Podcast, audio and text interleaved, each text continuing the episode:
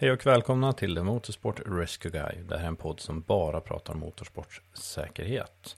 Och jag som sitter vid micken heter Rickard Johansson och jag driver denna podden med syfte att prata säkerhet och lyfta säkerheten upp på agendan. Nu är vi inne på sjätte avsnittet. Känns jättefränt att ha fått möjligheten att göra det här. Och eh, idag kommer vi ha en liten annan infallsvinkel.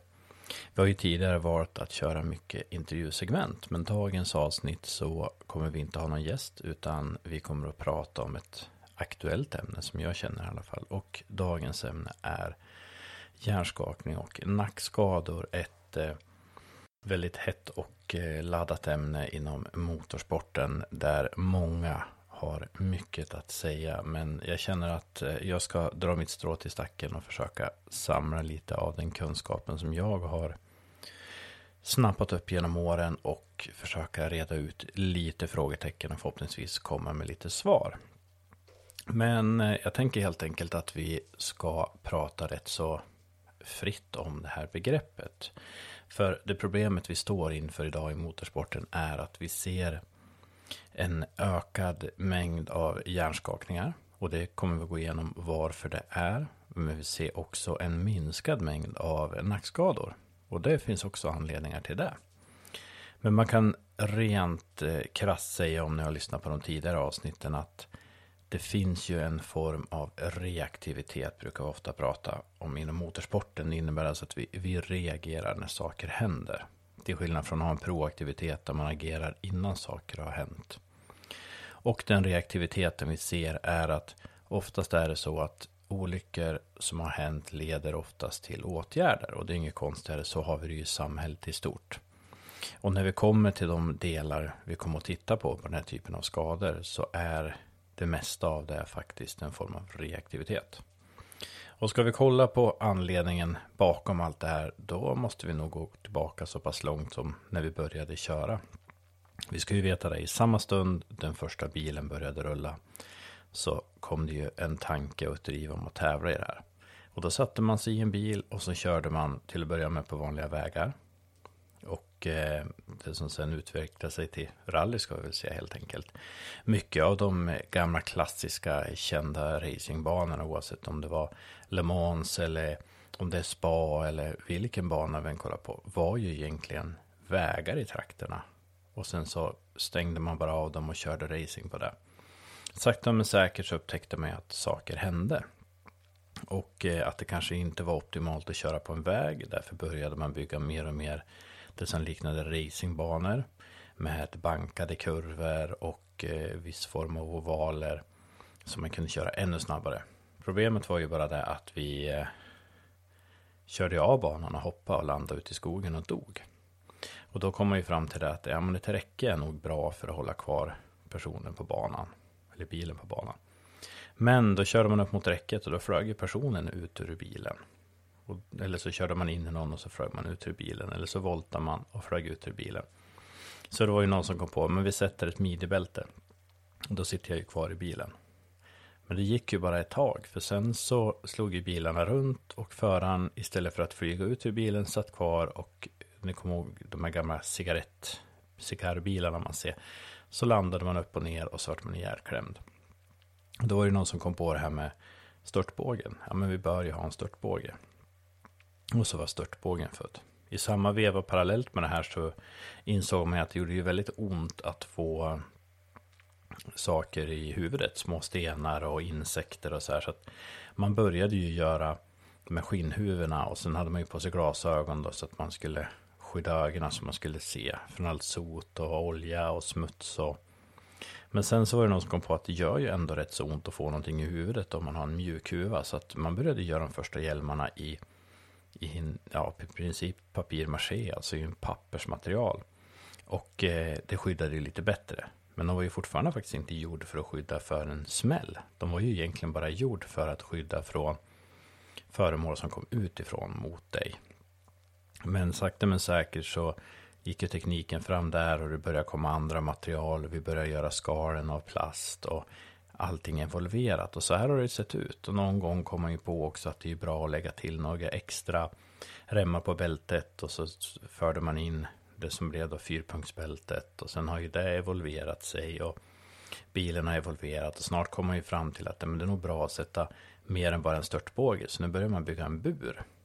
Och sen fortsatte den här utvecklingen. Och någon gång på 60-talet så kom eh, Bill Simpson och sa att men du, det där med eh, att eh, det brinner så mycket, att man brinner upp, det är dumt. Men inom flyget och inom rymdutvecklingen där så, och industrin så har vi de här dräkterna som gör att det tål brand. Så då tog man i princip en sån dräkt och gjorde en föraroverall av. Bill Simpson var ju inte sämre än att han skulle ju förevisa det här. Så att han tar eld på sig själv och visar att han överlevde. Och då var den moderna föraroverallen född. Backar vi tillbaka på 10-20-talet så körde du i vita kortärmade skjortor med eh, kronbåge och armarna utanför när du körde. Det är väldigt långt ifrån vad vi är idag. Men sen gick den här vandringen, hjälmarna utvecklades. Eh, och sen så kan man väl säga att när vi kom någonstans på 70-talet efter det där så vart det en liten svacka i utvecklingen. Vi hade utvecklat bättre och bättre hjälmar. Vi satt ju hyfsat bra med våra bälten. Stolarna genomgick lite utveckling, bilarna genomgick lite utveckling. Men vi hade ett stort problem och det var det att eh, folk dog. Det var många som dog i både låga och höga serier på grund av att man helt enkelt bröt nacken. Och det här var ju ett stort problem. Och eh, då blev det helt enkelt så att i eh, början på 90-talet så eh, kom två herrar som hette Rob Hubbard, eller Bob Hubbard, en doktor och eh, professor i biomekanik. Eh, tillsammans med sin bror, eller förlåt, med sin eh, svåger. Bestämde sig för att göra någonting och svågern hette Jim Downing. Och de började skissa på ett skydd. Och det skyddet var det som blev Hans-skyddet. Och Hans står ju för Head and Neck Support Device. Och hela syftet var ju det att vid en smäll så håller ju bältet fast i, man ser, bältet håller fast i stolen med hela kroppen, men huvudet fortsatte ju vidare. Och det var det man ville förebygga med Hans. Och den geniala men enkla tanken är helt enkelt att om vi kan knyta fast huvudet i det här systemet, hur gör vi då? Och jag vet att det har funnits lite lösningar att man skulle sitta och åka med någon form av remmar ifrån stolen, men det är ju inte bra ifall du släpper från stolen med bältet, för då sitter ju huvudet fast. Så det vart ingen hit, men det här skyddet följde ju med kroppen. Så i, under början på 90-talet så utvecklade man Hansskyddet. Det togs väl emot rätt så milt från första början. Det var inte så många som ville åka med det. Och man fick mer eller mindre tvinga in det eh, i många serier. Eller att få folk att testa det. Och de första skydden var väldigt klumpiga, stora. Men det slutade ju med att eh, det här Hansskyddet kom ju sen att bli ett obligatorium i de flesta serier. Och vi vet det att fram tills bland annat Dale Earnhardt dog i Nascar så var ju förarna väldigt negativa. Man ville ju åka lite i den här gamla skolan. Öppna hjälmar, pilotbriller och ingen nackskydd. Men när han dog då svängde den amerikanska marknaden runt om och så började man åka med nackskydd. På samma sätt så anammade ju FIA det här för F1 och idag är det ju ett obligatorium. Och eh, någonting som är så självklart i vår utrustning. För hela syftet är ju att de två remmarna på varje sida ska fånga rörelserna. Nackdelen med handskyddet är ju som vi ofta brukar prata om att det är dels vinkelberoende.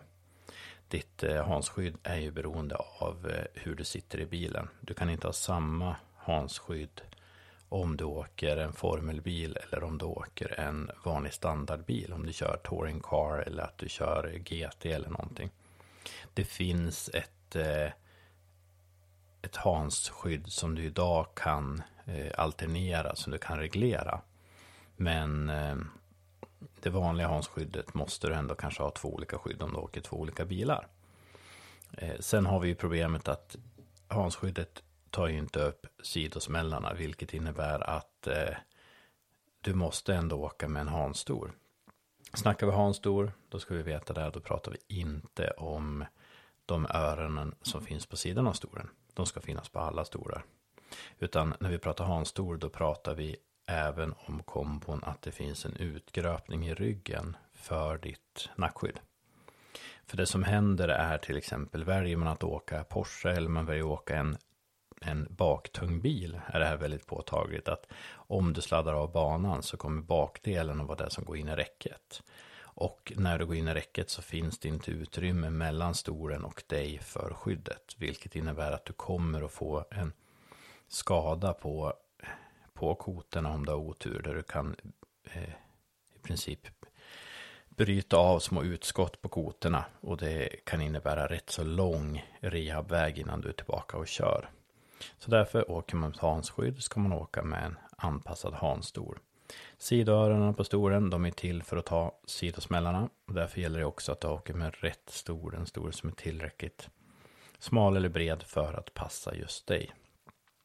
Och det här är liksom fördelen med Hansskyddet. Hansskyddet är ju otroligt bra. Det är ju en bra grej och jag skulle vilja rekommendera, jag har sagt det förut. Har ni en stund över? Jag kommer att lägga med en länk i beskrivningen här. Men gå in och kolla på en film som heter Hans vs. No Hans på YouTube. Så kommer ni kunna se exakt vad skillnaden är. Att inte åka ett nackskydd eller att åka ett nackskydd. Men parallellt med det här så fanns det ju andra smarta människor som insåg att eh, vi kanske skulle kunna utveckla den här typen av skydd. För den här Hans är ju inte optimalt i alla lägen. Vi ska veta att Hans är utvecklat för formelbil för prototypbilar för den racingen. Men samtidigt så hade vi en, en, en amerikan som hette Trevor Ashline som jobbade på ett företag, eller han ägde ett företag som hette Safety Solutions som kanske vissa känner igen. Safety Solutions tillverkade bälten och eh, den typen av utrustning. Och de började utveckla det som blev hybridskyddet. Stora skillnaden mellan Hansskyddet och hybridskyddet är att hybridskyddet är ett skydd som eh, inte är vinkelberoende. Som istället för en rem på varje sida har två remmar. Och där hela syftet är att en av remmarna tar ju smällarna som är vad vi säger offset. Alltså ingen, eh, ingen vinkel utan spikrak krasch framåt. Medan den andra remmen fångar smällarna som är offset, som är med lite vinkel. Och oftast är det ju så när vi kraschar så är det ju väldigt sällan vi kraschar med noll offset. Utan oftast har vi någon form av styrning in i räcket eller så. Eh, hybridskyddet var i första skedet bara SFI-certifierat, men efter lite, lite politik och några år så fick det även sin FIA-klassning. Fördelen med hybridskyddet är också att det är lite smäckrare på kroppen. Och jag brukar säga att kontrasten är att ditt hansskydd bär du med hjälmen och ditt hybrid bär du med kroppen. Hybridskyddet är ju byggt på det sättet att det är som en, som en sele, som en väst du tar på dig. Och istället för att du har ett större kolfiberok vilande över axlarna så har du ett mindre kolfiber, en mindre liten kolfiberbit i nacken och så resten är sele då. Och det gör ju att det passar för viss typ av, av eh, motorsport och Hans kan passa för annan. Eh, det som är bra med hybriden är att den är inte lika beroende på vad du åker med för stor. Du ska ju ha öronen såklart, det ska du alltid ha. Men det behöver inte ha en urgröpning bak i stolen till exempel. Och du kan använda ditt skydd oavsett om du kör i en formelbil ena dagen och du kör en Porsche eller en V8 Thundercars nästa dag så kan du åka med samma skydd. Eh, ur en räddningssynpunkt så skulle jag dessutom rekommendera hybriden för att stora fördelen är att ska vi paketera dig, ska vi lyfta ut dig så måste vi ta bort eh, Hansskyddet innan vi kan göra det. Men vi kan lyfta ut dig med hjälp av hybridskyddet. Så att ur en skyddssynpunkt är bägge två skydden jättebra. Men ur en räddningssynpunkt så är ändå hybrid att rekommendera. Det är mer lättarbetat. Och eh, jag upplever att fler har enklare att kunna evakuera med hybridskyddet än att evakuera med Hansskyddet många gånger. Och lite beroende också på vilken biltyp du använder så finns det fördelar. Men som sagt, oavsett vilket skydd ni åker så är det definitivt ett bra skydd. Men nu kommer ni att säga så här, ja men den här skumgummikragen då, som vi har sett i alla år. Ja, eh, effekten på skumgummikragen är väl mer eller mindre vedertaget idag att det finns inte så mycket effekt i den skumgummikragen. Dels har många en tendens att vända kragen fel. Jag skulle vilja betona att öppningen på kragen ska vara bakåt. Och det ser vi oftast idag att öppningarna sätts framåt och då fungerar den ju definitivt inte. Sen finns det vissa teser som stödjer att eh, man skulle lyfta hjälmen med en hävstångsteknik med hjälp av ett sånt skydd och att det inte ger så jättemycket skydd. Däremot vet jag att det finns de som åker med den typen av skydd som komplement till hybriden för att få det ännu stabilare. Till exempel de som kör monstertruck eller de som kör lite sådana här eh, trophy truck och sånt som hoppar väldigt mycket. För där fungerar ju skyddet i dubbel bemärkelse. Dels så ger det en komfort i genomförandet och sen ger det ett skydd i själva kraschen. Dragracing i de värre klasserna, Top Fuel, Nitro Funny Car tänker lite likadant att de sitter stabilare när de får rigga fast sig riktigt. Och det finns bra anpassade kragar i lite olika höjder. För vi ska ju veta att alla människor har ju olika längd på sina nackar. Vi är ju inte stöpt i en form allihopa. Och då är det rätt så bra att man hittar någonting som passar just till dig. Men eh, som sagt, nackskydd är någonting som jag ser som ett av de fundamentala och bästa uppfinningarna vi har egentligen.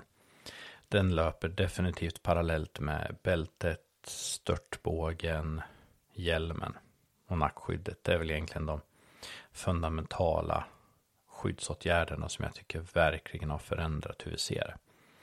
När jag började involvera mig internationellt runt eh, 2009-2010 så pratade vi bara nackskador nästan på våra konferenser. Det var, ja, av 50 procent av presentationerna handlade om nackskador och hur vi skulle göra där.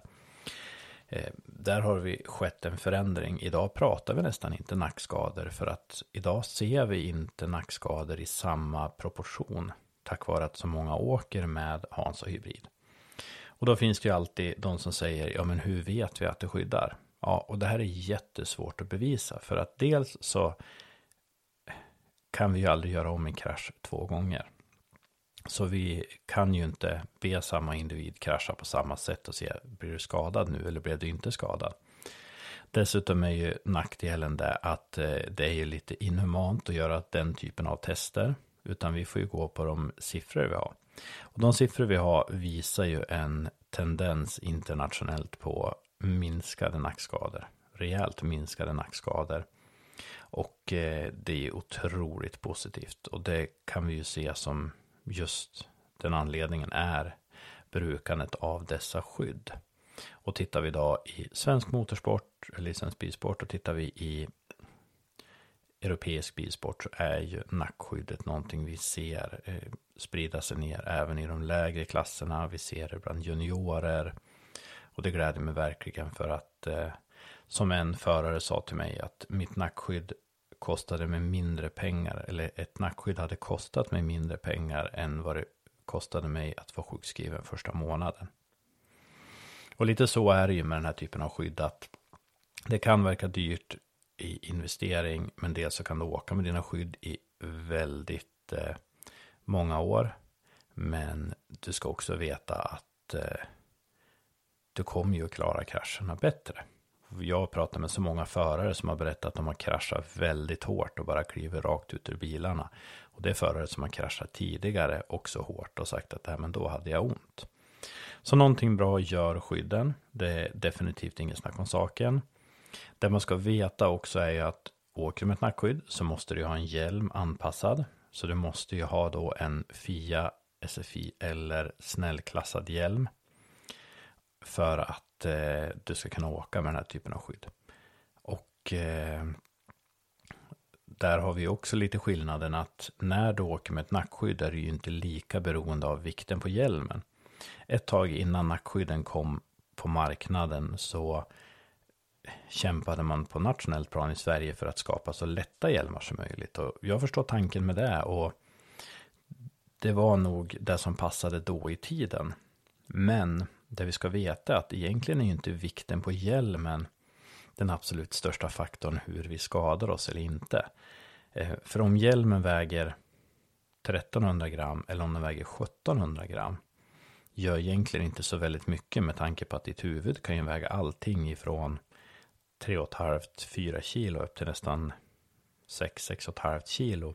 Där har du en avsevärt större viktskillnad.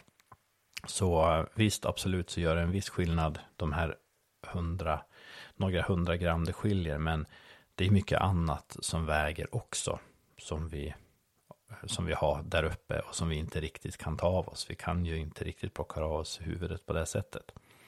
Så eh, som sagt, vikten är inte lika beroende för att nu absorberar ju skyddet där. Jag vet att det finns många kartläsare i rally som tycker att det är skönt att åka med den här typen av skydd för de kan slappna av nacken och hänga lite mer. Därför också så kan vissa av dem välja andra längder på, på sina tethers, på sina remmar för att få skyddet att passa bättre.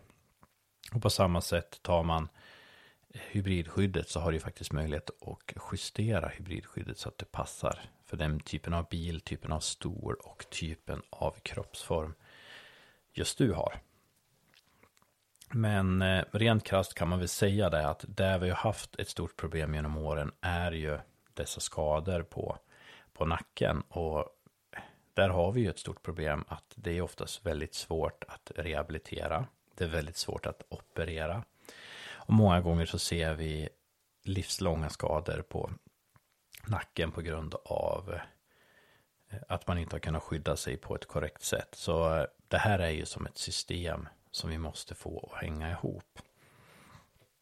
Tittar vi till exempel, eh, ta Nascar, där vi idag har byggt en så bra säkerhetscell så att du kan krascha en bil i 350 km i timmen, kliva ut därifrån och gå därifrån helt oskadd. Så har vi ju lyckats med någonting. Men det handlar ju som sagt om att skapa hela det här säkerhetssystemet, att vi sitter fastlåst i kroppen. Vi sitter fastlåst eh, både från höft upp till axlar. Att vi sen fixerar huvudet med hjälp av ett eh, nackskydd.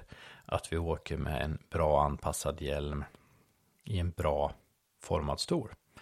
Då kan vi klara krascherna på ett helt annat sätt. Och eh, det är faktiskt rätt så fränt att se hur pass bra du kan vara skyddad i ett bra kit.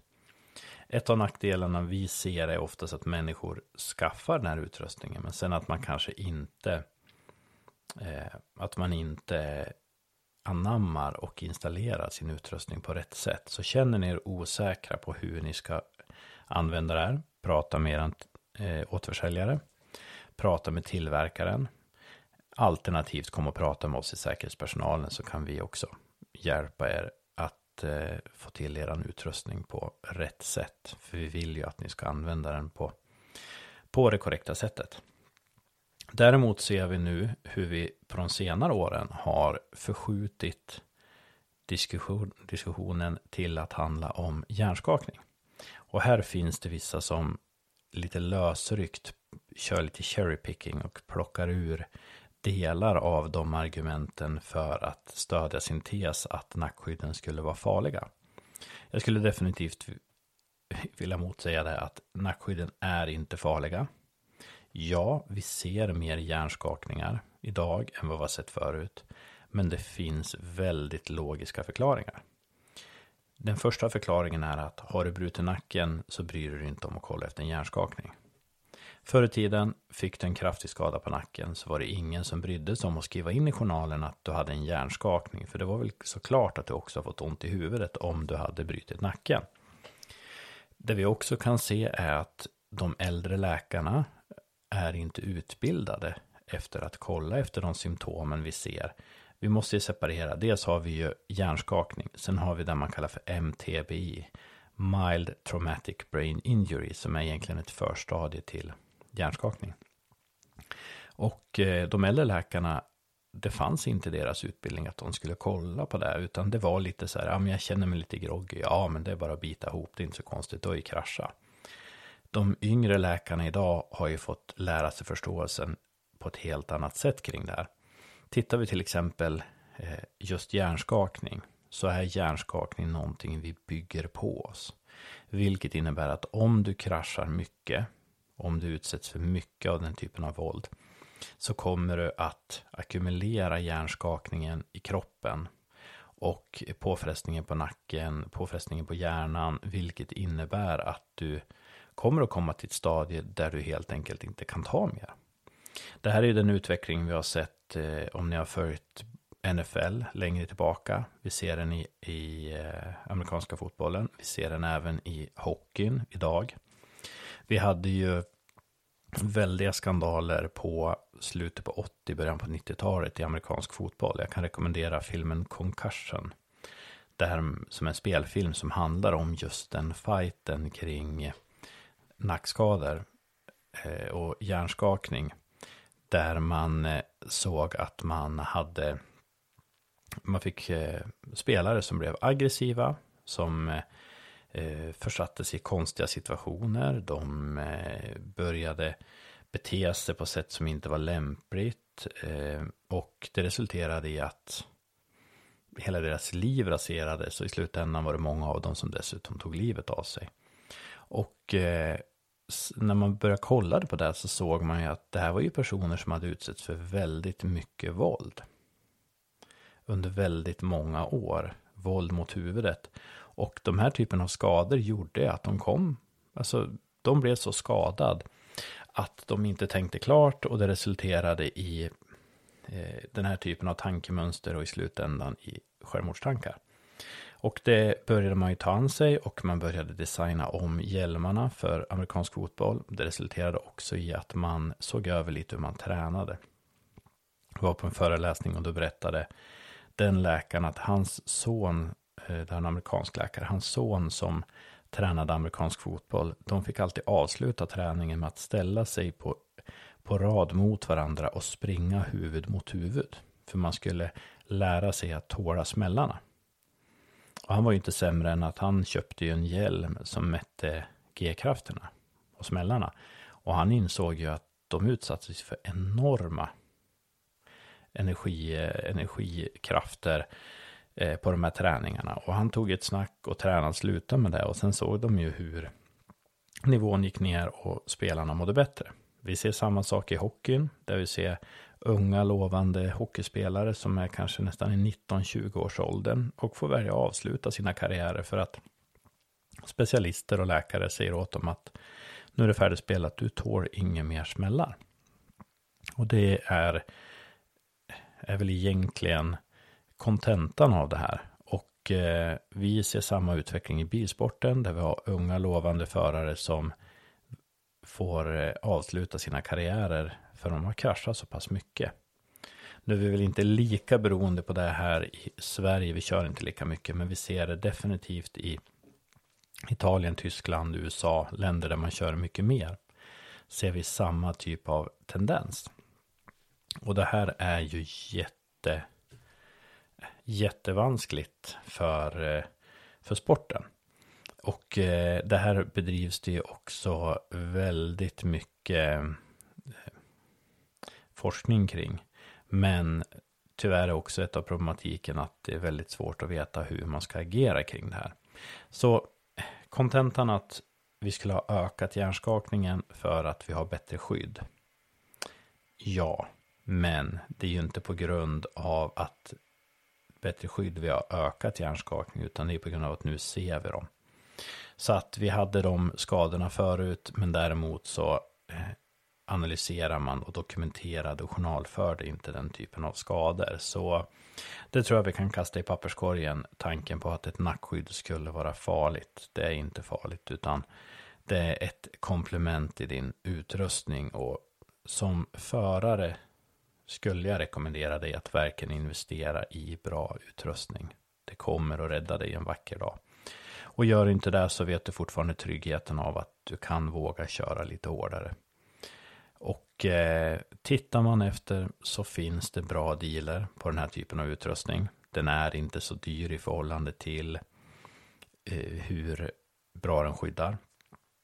Jag hade ju eh, Micke Gustafsson med mig och han hade ett jättebra tips. Ja, men gå in och prata med chefen och säga att eh, kan vi titta en bra lösning på det här om du känner att du inte har råd för att eh, någonstans så handlar det faktiskt om att du har eh, du har eh, du vill ju tillbaka till jobbet på måndag och det tror jag nog också din chef vill att du vill eller vill att du ska.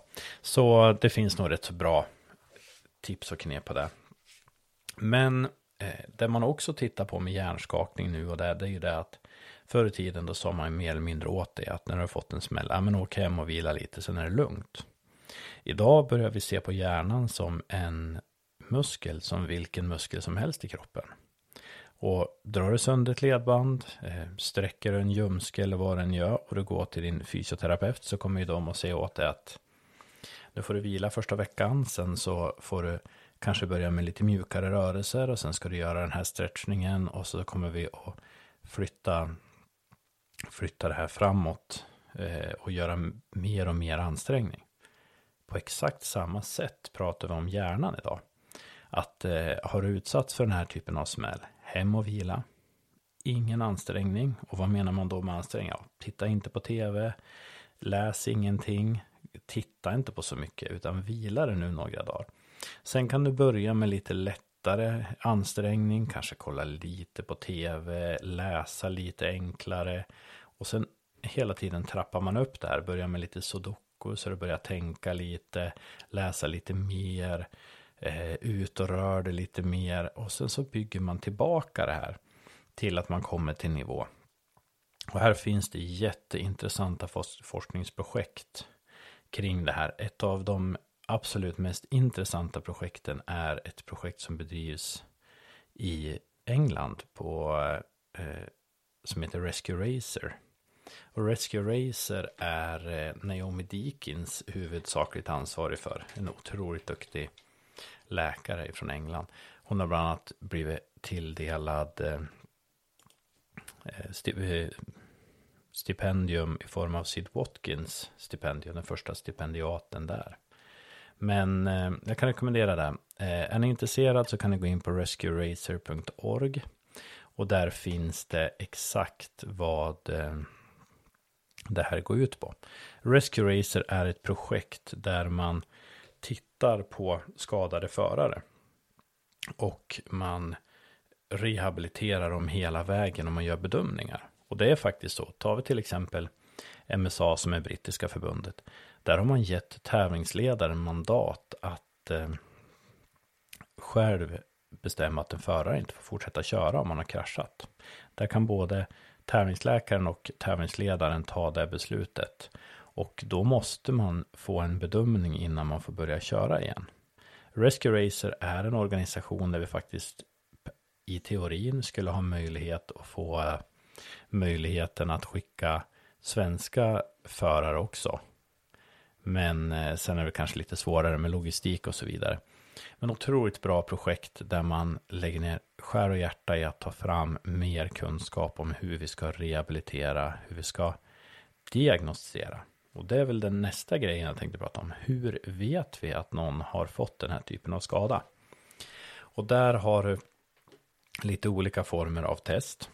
Man har ett test som heter Kings the Wick-testet. Som är kanske det mest basala testet, kanske med lägst ekonomi också. King the Wick är ett test där man först skapar en baseline. Där du får lite logiska frågor och så ska du svara. Och då ska det vara så att du går igenom ett program. I första skedet var det en pappersvariant. Nu har det även kommit som en app på en platta. Men där du svarar på vissa logiska frågor. Och kanske för dig tar det 1.30. För mig tar det 1.40 för jag är lite mer trögtänkt. Och för en annan tar det 1.20. Och när du har utsatts för en smäll så går du in till sjukstugan. Då kommer du få göra samma test igen. Och eh, fördelen med det är att det som händer då är ju att du kommer att du kommer upptäcka att oj, jag hade ju helt plötsligt tog det två och en halv minut för mig. Det kanske är okej okay om det tar 1.30 för dig och så tar det 45, För du är ju ändå lite tröttare, du har ansträngt det. Men om det börjar ta två och en halv minut, då förutsätter vi, då har du ju faktiskt haft någon form av påverkan på, på i huvudet. Och det här testet är väldigt vanligt i amerikansk collegeidrott. Där man sätter de här baselinen. Och eh, det finns även i viss europeisk idrott. Och eh, det är väl det absolut simplaste. Typ. Sen har du nästa nivå som är lite mer avancerad. Och det är att vi tittar efter eh, biomarkörer i ögonen. Och då tar man på sig i princip det som ser ut som ett par 3D-briller, så VR-briller. Och eh, i dem så finns det kameror som eh, filmar ögonen. Och eh, där söker man biomarkörer i ögonen. Om ni har fått eh, någon sån här eh, yrsel av kristaller och sånt så kan det vara en stor möjlighet att ni har fått pröva, tagit på er en enklare modell av de typerna av glasögonen. Där du filmar ögonen för att se reaktioner. Och det du gör är att du kommer att utsättas för olika typer av ljus, olika typer av rörelser och mönster i ungefär sex minuter. Och när du är klar, då kommer eh, det komma ut i princip en slutsats. Och där kommer det säga om du har en skada eller inte. Den här utrustningen är fortfarande generellt dyr. Jag vet att F1, Indycar, Nascar har den och jag vet att vissa andra serier skulle börja bygga på den inför säsongen 2020 och några till inför 2021. Så den kommer väl att komma mer. Men tanken är ju ändå rätt så frän att du kan gå in i ett rum och eh, du kan gå in i ett rum och du kan eh, eh faktiskt eh, sitta där i knappt tio minuter och då får vi ut slutsatsen att du har en skada eller inte en skada, vilket innebär att du kan så att säga välja att få köra vidare eller att läkaren säger att nej, men du ska inte köra vidare. Och så kan det mycket väl bli. Vi kan ta ett beslut att du inte får köra vidare kanske den dagen. För du måste vila eller att du inte ska köra vidare den helgen. Eller kanske så är det så att du ska få reda på att ja, du får inte köra vidare innan du har blivit undersökt och godkänd av en läkare. Och det kan ju ta sin tid. Men det handlar ju alltid om välvilja och välmående för föraren i slutändan. Så det finns ju mer och mer kunskap kring att diagnostisera det här. Och det här har vi inte diagnostiserat förut. Då var det lite att smällde man så man var man väl lite groggy. Då pratade man ju ofta om att vara punch drunk. Alltså i boxningen blev man ju punch drunk. Att man blev, att man blev eh, lite groggy, man blev lite förvirrad och sådär. Men det var ju bara en del av skärmen. Och när jag pratar boxning så vet ni också att hjärnskakning och den typen av problematik är ju boxning någonting som haft väldigt stora problem med. Och eh, det jag egentligen vill få in i det här resonemanget är ju att vi kommer ju att se den här typen av skador. Det jag vill se är att vi tar oss an de här skadorna eller den här typen av problematik på ett bra sätt. Jag skulle vilja se, det finns concussion guidelines från eh, i många av förbunden. Vi har inga concussion guidelines i Sverige. Jag skulle gärna se att vi tar fram concussion guidelines för att det skulle förenkla för tävlingsläkaren, det skulle förenkla för tävlingsledaren i hur den ska kunna ta beslut. I slutändan handlar det ju inte om att vara jobbig eller jävlig med en förare, utan i slutändan handlar det faktiskt bara om att få föraren att må bättre och att vi inte ska hamna i det gamla läget där förare till slut fick stämpla ut från sporten och hitta på någonting annat. Men då har vi pratat om vad vi har för utrustning. Vi har pratat om vad kontentan av det är och vi har pratat om hur man diagnostiserar det. Eh, ska vi knyta ihop den här säcken lite så handlar det helt enkelt till syvende och sist om att eh, vi måste våga prata om det. Vi måste våga ta oss an det. Jag ser ju fördelen med eh, läkare knutna till serier eller läkare tydligare knutet till större sammanhang i det här syftet. Att vi har möjligheten att prata om det här och känna igen på ett annat sätt. Det här är också jätteviktigt för oss som jobbar på banan. För har jag en förare som är normalt sett lugn som en filbunke, men helt plötsligt är han helt uppåt väggarna. och det går inte att få ner han i varv och så vidare. Då kanske jag bör ifrågasätta vad som har hänt med den här föraren. Vi har den typen av skador eh, där vi ser att förare agerar irrationellt efter en krasch. Så det tycker jag definitivt är någonting vi ska ta med oss i analysen av föraren. Redan när vi möter föraren så ska vi veta att visst, han har adrenalin och han är uppe i varv eller hon är uppe i varv. Men ta med det här i bedömningarna redan i ett tidigt skede. Och som förare, var inte rädd att säga att du inte mår bra. Var inte rädd att ta hjälp. Det kommer inte att drabba dig eh, att göra det. Det är bättre att du gör det och att du får en bättre hälsa för dig själv. Än att du ska köra det här varvet och eh, i slutändan så kommer det att bli att du eh, i slutändan kommer det faktiskt att bli så att eh, det kommer att, om du har otur, drabba dig och din fortsatta karriär inom motorsporten. Men som sagt, eh, nackskador är ett jättekomplext ämne. Jag har suttit och lyssnat på otroligt många timmar av föreläsning i det här. Jag har försökt ja, klämma ihop lite av det i den senaste 40 minuterna. Och det här är så enormt komplext ämne. Vi kommer att fortsätta prata mer om det. Jag vill att vi ska bryta ner och prata om specifika delar, men jag tänkte vi ska börja med en del som är lite summerande.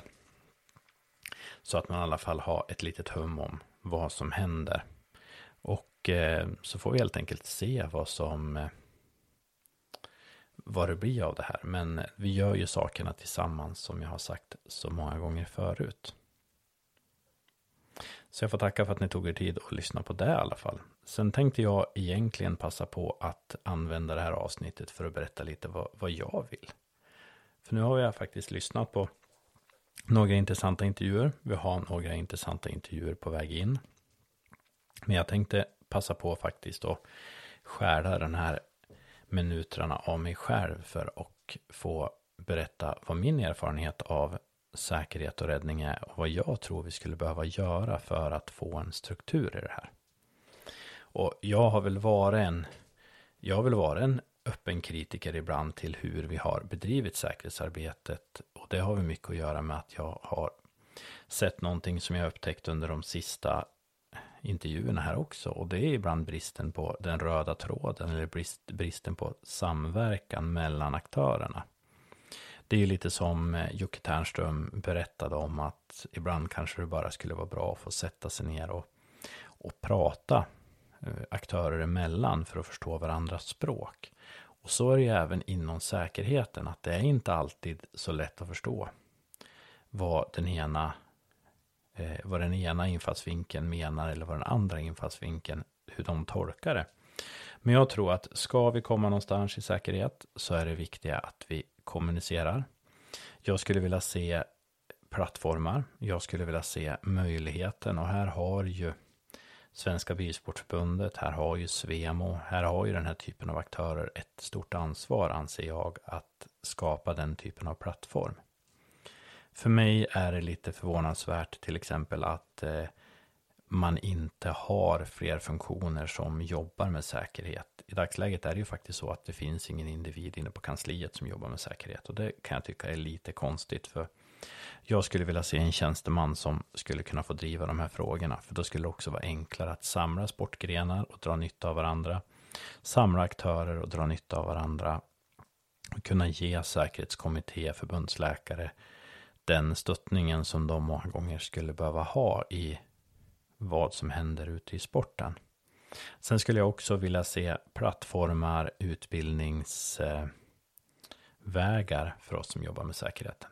I dagsläget så finns det ju ingen egentlig licens för oss, utan den licensen jag ska ha om jag ska verka som säkerhetsarbetare eller verka som säkerhetschef är ju tävlingsledningslicens.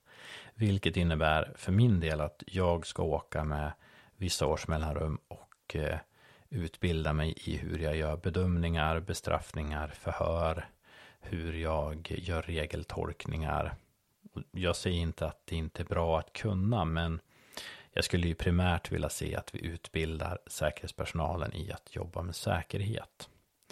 Dessutom är det ju faktiskt så att det finns inget uttalat, eh, ingen uttalad funktion av hur du ska jobba med säkerhet som räddningsman eller så. I de flesta sportgrenar har vi inte ens ett krav på hur en räddningsbil ska se ut eller vad en räddningsman ska kunna. Och där skulle jag jättegärna vilja se att vi i alla fall skapar en baslinje, en, en basic nivå för hur vi bedriver det.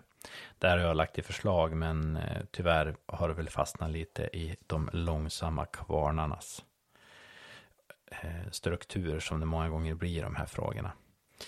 Det förslaget jag la handlade helt enkelt om att vi i alla fall till att börja med kan börja med att göra enkla räddningsbilar. Och de enkla räddningsbilarna handlar helt enkelt bara om en basic skåpbil, pickup, kombi med lite handverktyg, några brandsläckare, lokalt utbildade räddningsmän på klubbnivå som har eh, enkla brandställ och som på det sättet kan göra en första insats, stabilisera en nacke, stoppa en initialbrand, eh, hålla situationen statisk tills man får dit den kommunala räddningstjänsten och den externa ambulansen.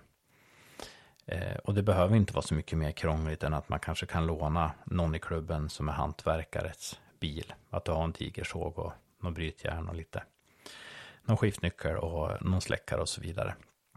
Och jag tror på det sättet så skulle vi kunna få en eh, väldigt enkel nivå. Eh, samtidigt så skulle det innebära en fundamental höjning på många håll i nivån och dessutom skulle klubbarna veta vad de har att kämpa efter att lösa. Och jag har inte pratat med någon klubb idag eh, som anser att det skulle vara en radikalt hög nivå. På samma sätt så anser jag att när vi sen börjar resan upp till högre nivåer, snabbare bilar, vi börjar prata SM, vi börjar prata eh, den nivån så kanske vi ska välja att snäppa upp det lite ytterligare med ytterligare kompetens och ytterligare utrustning.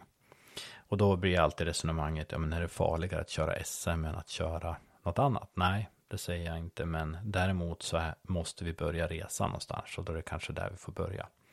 Alla resor börjar med, Börja med ett steg. Alla vandringar börjar med ett steg som sagt och eh, vi måste börja någonstans. På samma sätt har jag ibland hört resonemanget när man lägger ett förslag att man säger att om är det mer än 12 bilar på banan eller mindre än det så är det det här som gäller. Och är det då farligare att köra 13 bilar eller 10 bilar? Nej, det är inte säkert. Men någonstans måste vi alltid börja med att sätta nivån. Sen ska det viktiga vad det gäller säkerhet, att säkerhet alltid är ett levande dokument. Det innebär att säkerhet är någonting som vi själv måste våga eh, utvärdera hela tiden. Vi måste våga vara kritisk mot vad vi själv gör. Och det tror jag är det mest fundamentala, att våga vara kritisk mot det man själv gör och samtidigt även våga vara kritisk mot vad andra gör och få våga vara det och att det inte ska slå tillbaka på en. Men då ska man också veta att då måste man vara beredd att ta en släng av sleven själv också. Och jag tycker ju om det här samtalet och jag skulle vilja se att det skapas grunder för det här typet av samtalet eller plattformar för de här samtalen. Och där återigen anser jag att förbundet har en viktig roll att fylla. Så där kan jag väl ge en liten uppmaning till. Om det är någon som råkar lyssna som håller på med de här frågorna att ge oss en plattform att våga prata om det här. För så länge vi inte pratar om det här gemensamt så kommer vi göra våra egna tolkningar och då, då spretar det väldigt, väldigt mycket. Och jag tror i slutändan att det viktiga och fundamentala är att föraren känner att den har igen det här. Att föraren känner att den får eh, ta tillbaka det här i eh, ja, men säkerheten att den får så att säga vara en del av utvecklingen. För det där det handlar om. I syvende och sist så är den enda drivkraften jag har är att förarna, funktionärerna, arrangörerna ska må bra i slutet av dagen och att om någonting har hänt ska vi kunna ta hand om det på bästa sättet. Samtidigt måste vi göra det här i balans med eh, ekonomiska förutsättningar. Vi måste göra det här i balans med vad man faktiskt har råd att hålla på med. Så att, eh, jag hoppas att eh, vi kan komma dit en vacker dag. Jag skulle jättegärna vilja veta, vad säger ni? Vad tycker ni är vettigt? Vad, vad ser ni för utrymme för förbättring? Vad ser ni att det skulle behöva kunna göras? Och vad tror ni att vi på de olika nivåerna skulle kunna hjälpa till med? Vad skulle ni kunna hjälpa till med på individnivå, teamnivå, klubbnivå, distriktsnivå, förbundsnivå? För alla måste ju dra sitt lilla strå till stacken och gör alla det, då blir det varken krångligt eller bökigt, utan då blir det egentligen bara bättre, för då har vi startat en process. Det har ju jag märkt mycket, till exempel om vi faller tillbaka till de föreläsningar som jag och JP gjorde, att hela syftet var ju att börja prata säkerhet. Och oftast går ju utvecklingen på det sättet att vi pratar säkerhet och de lyssnade och sa ingenting. Sen började de bli involverade i samtalet. Sen lyfte det vidare och helt plötsligt så ville de prata säkerhet när vi var där på ett helt annat sätt. Och nästa steg efter det, det var att de fortsatte prata när vi hade gått därifrån. Och tredje steget, eller sista steget i det här, det är ju helt enkelt att de själv pratar säkerhet när vi inte är där. Och att de pratar med sina kompisar, ger tips, idé och förslag. Och då har vi nått någonstans. För att återigen, så har jag sagt det förut, säkerhet är en rörelse. Och med det så menar jag en rörelse i att det är en process som hela tiden måste röra sig framåt. För den får inte stoppa, utan vi måste hela tiden våga utvärdera. Och då menar jag inte med att röra sig framåt, med att vi hela tiden måste skaffa mer och mer saker. Ibland kanske till och med säkerhet handlar om att få bilar att gå långsammare, eller det kanske handlar om att backa tillbaka och se över hur vi har gjort och våga tänka om. Och det är även en rörelse som i en folkrörelse. Vi gör det tillsammans. Med de orden så vill jag tacka er för att ni har tagit er tid och lyssnat lite på vad jag hade att prata om. Jag eh, sitter just nu och eh, jobbar med kommande avsnitt och jag kan lova er att det finns mycket intressant på agendan. Men som sagt, är det saker ni känner att ni vill veta mer om eller har ni förslag så eh, är det bara att hojta till. Ni hittar mig på Facebook och Instagram på The Motorsport Rescue Guy. Och eh, dra ett meddelande där så ska jag definitivt läsa igenom och svara på vad ni har för tips eller idéer eller ros eller ris. Och som sagt, säkerhet är vad vi själv gör det till och jag hoppas att det här samtalet aldrig tar slut utan att vi fortsätter prata om det här. Och känner ni själv att ni vill prata med säkerhet, hojta till. Passa på att göra det i klubblokalen, i garaget, passa på att göra det i en serie. Passa på att göra det i anslutning till att ni har årsmöte eller vad som helst. Hojta bara till. Jag har redan varit med några aktörer och pratat säkerhet nu under sista tiden och det är otroligt intressant att få höra alla infallsvinklar och idéer. Men som sagt, tack för att du tog er tid och eh, ta det säkert så hörs vi igen om en vecka.